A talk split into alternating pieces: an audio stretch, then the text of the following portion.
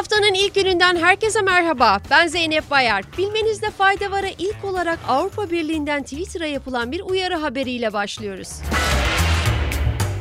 Avrupa Birliği, birliğin dezenformasyonla mücadele için hazırladığı zorunlu olmayan uygulama kurallarından ayrılan Twitter'a sorumluluklarından kaçamayacağı uyarısında bulundu.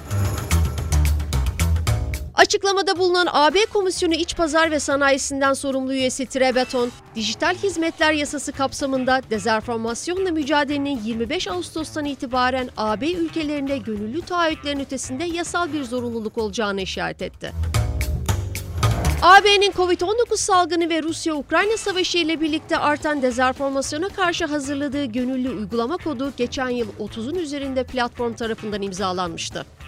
Meta, Google, Twitter, TikTok ve Microsoft gibi büyük platformlar tarafından imzalanan yeni kod, çevrim içi dezenformasyona karşı geniş önlemler içeriyordu. AB üyesi Portekiz'den bir haberle devam ediyoruz.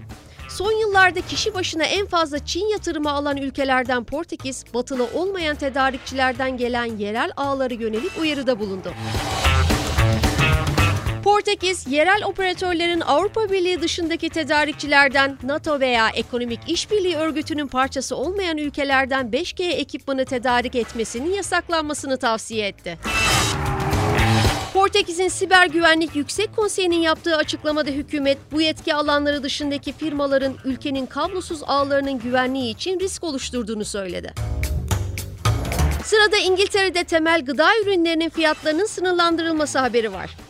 İngiltere Başbakanı Rishi Sunak'ın hayat pahalılığıyla mücadele kapsamında perakendecilerden süt ve ekmek gibi temel gıda ürünlerine tavan fiyat uygulamasını isteyeceği duyuruldu. İngiliz Telegraph'ın haberine göre Sunak'ın ekibi bazı temel gıda ürünlerine mümkün olan en düşük tavan fiyatın uygulanmasını sağlamak amacıyla bir plan üzerine çalışmaya başladı.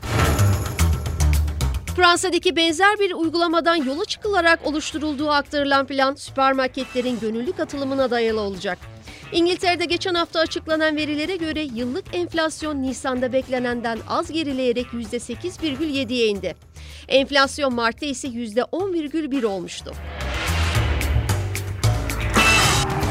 Yarın Şinçaa 16 mekiği ile uzay istasyonuna yollanacak yeni Taykonot ekibini tanıtan Çin İnsanlı Uzay Programı Ajansı, Tiangong Uzay İstasyonu'na düzenlenecek yeni seferde ilk kez sivil bir Taykonot'un uzaya gönderileceğini açıkladı.